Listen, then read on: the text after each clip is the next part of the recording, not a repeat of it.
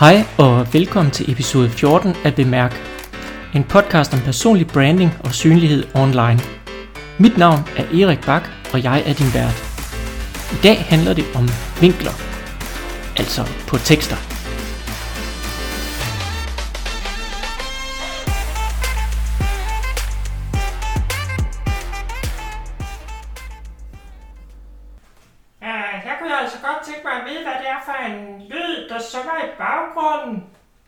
Ja, jeg beklager selvfølgelig meget, men øh, lyden du kan høre i baggrunden, det er vores køleskab, der står og summer. Det har det åbenbart lige besluttet sig for at gøre, mens jeg skal optage podcast. Men øh, lad os se, om ikke vi kommer igennem det alligevel. Jo, det, det gør vi nok. Og når vi snakker om vinkler, så er det jo ikke... Øh, så det er ikke ligesom i skoletiden under geometri, hvor du skulle sidde og tegne rette vinkler og skæve vinkler og regne dem ud. Næh, når vi snakker vinkler i personlig branding og tekster online, så er det den måde, du præsenterer dit budskab på. Altså fra den synsvinkel, du præsenterer dit budskab på. Du har sikkert prøvet at sidde og skrive, og det har været lidt tungt, fordi du ikke helt har kunne finde ud af, hvad du, har, finde ud af, hvad du vil skrive, eller også så føler du, at du har skrevet det før. Det kan godt være, at du skriver meget, det kan også være, at du ikke skriver så meget, men uanset, når du har et budskab, du skal ud med, så er det ikke nok at sige det på én måde. Man skal gentage det mange gange, på forskellige måder, fra forskellige synsvinkler. Og når du har forstået, hvad det egentlig vil sige at finde en vinkel, så vil du også opdage, at det er meget nemmere at skrive det samme budskab på mange, mange forskellige måder. Så du løber aldrig tør for indhold på hverken din blog eller de sociale medier, bare du finder en ny måde at præsentere det på. Og ved at lære at arbejde med de her vinkler, jamen så løber du aldrig tør for noget at skrive. Men hvad er en vinkel egentlig? Man kan vel sige, at en vinkel er en lille del af virkeligheden. Altså din virkelighed. Vi har jo alle sammen vores forskellige måder at se verden på, og det er ikke sikkert, at andre er i stand til at se den lige præcis fra din vinkel. Så en vinkel, det er et udsnit af virkeligheden, som du ser det. Når, når du præsenterer noget online, om det er et blogindlæg eller bare et opslag på sociale medier, så skal man altid passe på med ikke at fylde det op med alt for meget information. Der skal helst kun være ét budskab. Og det ene budskab, det kan du så præsentere og understøtte i resten af din tekst. Men når du begynder at fylde for meget på, så bliver folk forvirret, og de fanger måske ikke lige, hvad det egentlig var, du vil sige, fordi du har så meget på hjertet. Og den lille bid, du vælger at skrive om på de sociale medier, eller i dit blogindlæg, det er den bid, som der er din vinkel.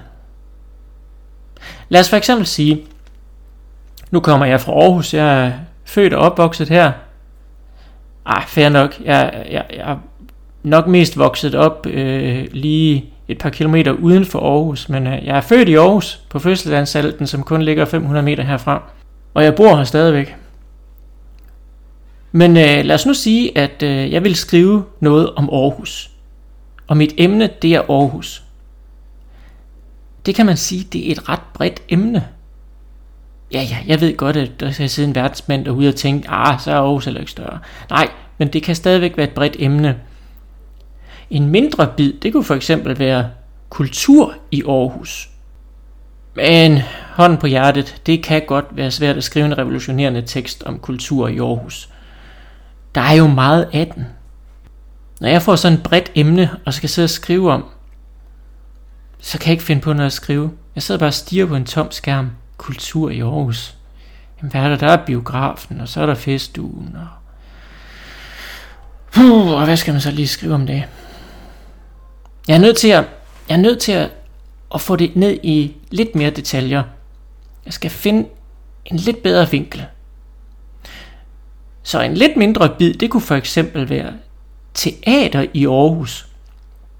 Måske endda teater i Aarhus for mænd. Ja, Eller det kunne være teater i Aarhus for mænd, der kan lide et godt grin.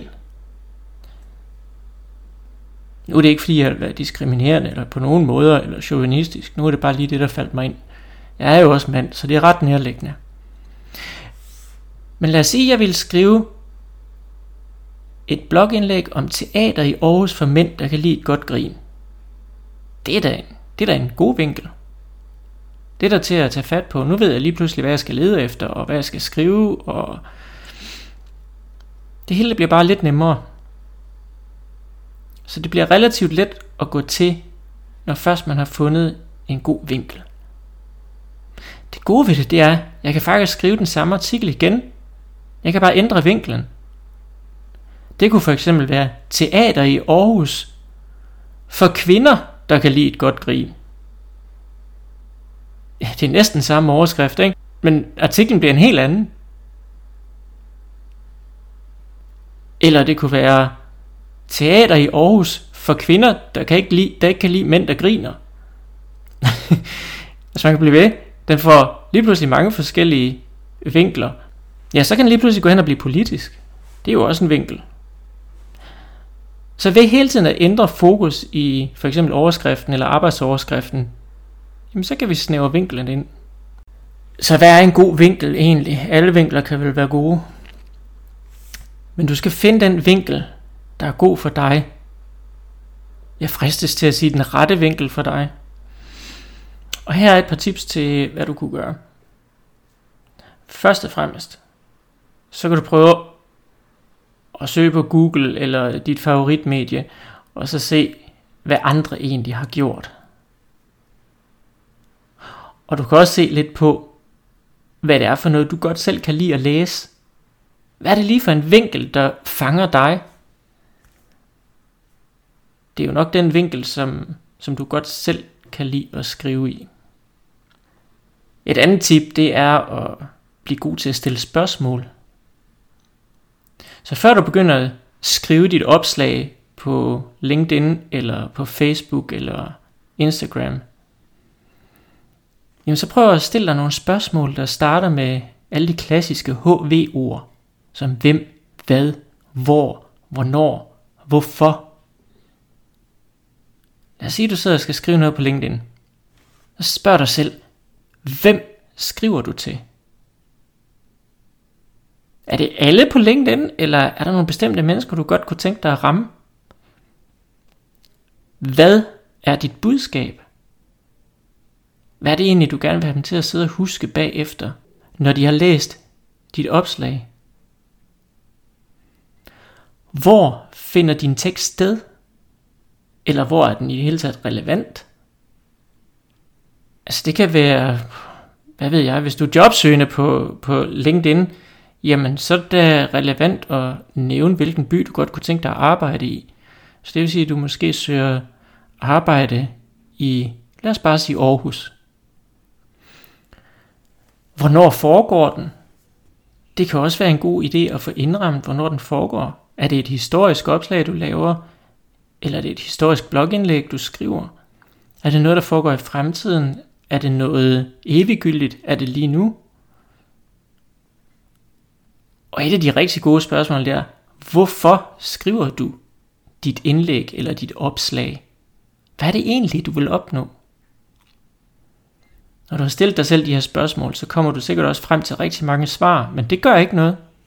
Fordi jo, jo flere svar du har, jo, jo flere vinkler har du faktisk på dit opslag, og jo flere opslag kan du skrive. Det er en god måde at ramme mange mennesker på med det samme budskab. Når jeg skriver et blogindlæg, så nøjes jeg sjældent med at skrive én overskrift. Jeg finder på rigtig mange. Når jeg, skal, når jeg virkelig skal piske mig selv, så laver jeg 25 overskrifter til det samme blogindlæg. Og så vælger jeg de tre bedste ud. Og så beder jeg en anden, det bliver som regel min kone, om at læse de her tre overskrifter. Og så vælger hun den, som vil få hende til at læse resten af blogindlægget. Og det er den, jeg går efter. Og ved du hvad? Det er meget sjældent, at den overskrift er den første overskrift, jeg skriver. Det er tit den 5., 6., 7. eller sådan noget. Så man skal skrive rigtig mange overskrifter, før man rammer den, før man rammer den, som får folk til at læse resten. Så derfor er det en god idé at stille sig selv alle de her spørgsmål, så man rammer den vinkel, som giver folk lyst til at læse dit budskab. Og et lille trick, det kan være at, at bruge kontraster. I, øh, I opslag på for eksempel LinkedIn, der er det en god idé, at du er helt bevidst om, hvor den her lille øh, note kommer, læs mere, nu tror jeg den hedder, jeg klikker lige over, så jeg kan se, hvad det er, den hedder. Øh, se mere hedder den. Der kommer så en lille tre små prikker, og så kommer til at stå se mere, for at få øh, dit publikum til at klikke på den der, så de kan se resten af dit indlæg. Så øh, skal du altså fange dem. Du skal fange dem i de første tre linjer. Og det er tre linjer, hvis du har billede på. Hvis du ikke har billede på, så mener jeg, det er fem linjer. Jeg har altid billede på, så det er sjældent, jeg skriver uden. Men tre linjer, der deler teksten sig. Jeg starter altid med at skrive en linje, så laver jeg et afsnit, og så skriver jeg en linje mere. Og der er min krog. Der fanger jeg publikum. Man kan også kalde det et hook i, i fagsproget. Men min krog, den skal få folk til at læse videre. Og det er i de første linjer, at det er en god idé at bruge kontraster. Du kan også gøre det i overskrifter eller i indledninger til blogindlæg. Og der kan du tage udgangspunkt i den modsatte tilstand af dit budskab. Så lad os sige, at du skriver om en, om en god opskrift på brassede kartofler. Det er det eksempel, jeg har brugt i mit øh, blogindlæg, der passer til det her, øh, den her episode. Du vil skrive en god opskrift på brassede kartofler. Så kunne kontrasten være en øh, historie om en oplevelse med virkelig dårligt tilberedte brassede kartofler. Fordi så sidder publikum måske med, med den tanke, at de gerne vil vide, hvordan du så hvordan du løste det her problem med de dårligt tilberedte øh, kartofler. Det kan også være nogle modsætningsfyldte udsagn, du kommer med. Det kunne for eksempel være historien om fuglen, der ikke kan flyve. Vi ved jo alle sammen, at fugle kan flyve, så det virker underligt. Det vækker sådan lidt interesse. Det kan også være en overskrift, som jeg har brugt på, på min lille niche-side om risengrød. Den kan jeg også smide et link til dig i øh, noterne. Det er en niche-side, jeg har skrevet, hvor, hvor jeg egentlig startede med bare at lave opskrifter på risengrød. Der er nok, jeg tror der er en 10 forskellige opskrifter. Og jeg har lige udgivet et øh, indlæg om min gløk, hvor man selv laver sin egen gløkekstrakt. Så den er god og stærk og lækker, så det kan jeg godt anbefale, at I går ind og kigger på. Nå, men det er lige et lille sidespring, fordi det jeg vil frem til, det er, at et af de mest læste blogindlæg, den har overskriften, sådan laver du sund risengrød med fløde. Og se, det er jo en, det må man da sige, det er en kontrast, det er en modsætning, fordi de fleste vil nok forbinde fløde med at være usundt. Faktisk vil de fleste nok forbinde risengrød med at være usund. Men det kan faktisk godt lade sig gøre at lave en sundere, her bruger jeg komparativprincippet, en sundere risengrød lavet på fløde. Men det kan du så læse mere om på, på, min, på min lille niche-blog der. Og så kommer jeg lige til at nævne komparativprincippet. Det er et, jeg kom på for nok snart 20 år siden, fordi det er svært at blive 100% god til noget, eller lave 100% om på en eller anden vane, eller noget man gerne vil blive bedre til. Så i stedet for altid at sige, at man skal være den bedste til noget, vil være det gladeste menneske, man vil drikke det lækreste vand, så en god måde at udvikle sig på, det er hele tiden at gøre noget en lille smule bedre. Og det er jo at bruge komparativer i stedet for superlativer. Så det vil sige, at i stedet for at sige den bedste, så siger jeg en bedre. I stedet for at sige den lækreste, så siger jeg mere lækker. Så hele tiden bruge dit sprog til at hjælpe din egen udvikling. Fordi jeg er helt sikker på, at ved hele tiden at gøre noget en lille smule bedre, jamen så på et eller andet tidspunkt, så når vi en tilstand af god, som vi aldrig har, har ville kunne gøre, hvis vi bare var sprunget direkte ud i det bedste. Det er næsten filosofisk det her, men det er en lille kort præsentation af mit komparativ princip. Lad os lige komme tilbage til den der vinkel. Vi havde vist vinkel på her. Så kan du også overveje, hvad, øh, hvad din personlige relation til emnet det er, altså til dit budskab. Og her kommer historier ind. Det vil sige, fortæl din egen personlige historie om, hvorfor lige præcis det her budskab er vigtigt. Fordi folk de elsker historier. De er nemme at forstå, de er nemme at huske. Så kan dit publikum bedre identificere sig med det du prøver at fortælle. De kan genkende situationen, og de vil gerne kende løsningen. Det var lidt om vinkler på tekster online, når du skriver. Og tak fordi du lyttede med her på Bemærk i dag. Og hvis du ikke allerede har gjort det, så husk lige at abonnere på Bemærk.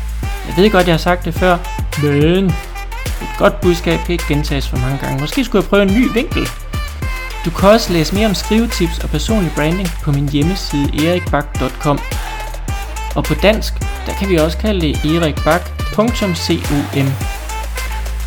Og det er alt fra mig i dag. Pas godt på dig selv til næste gang.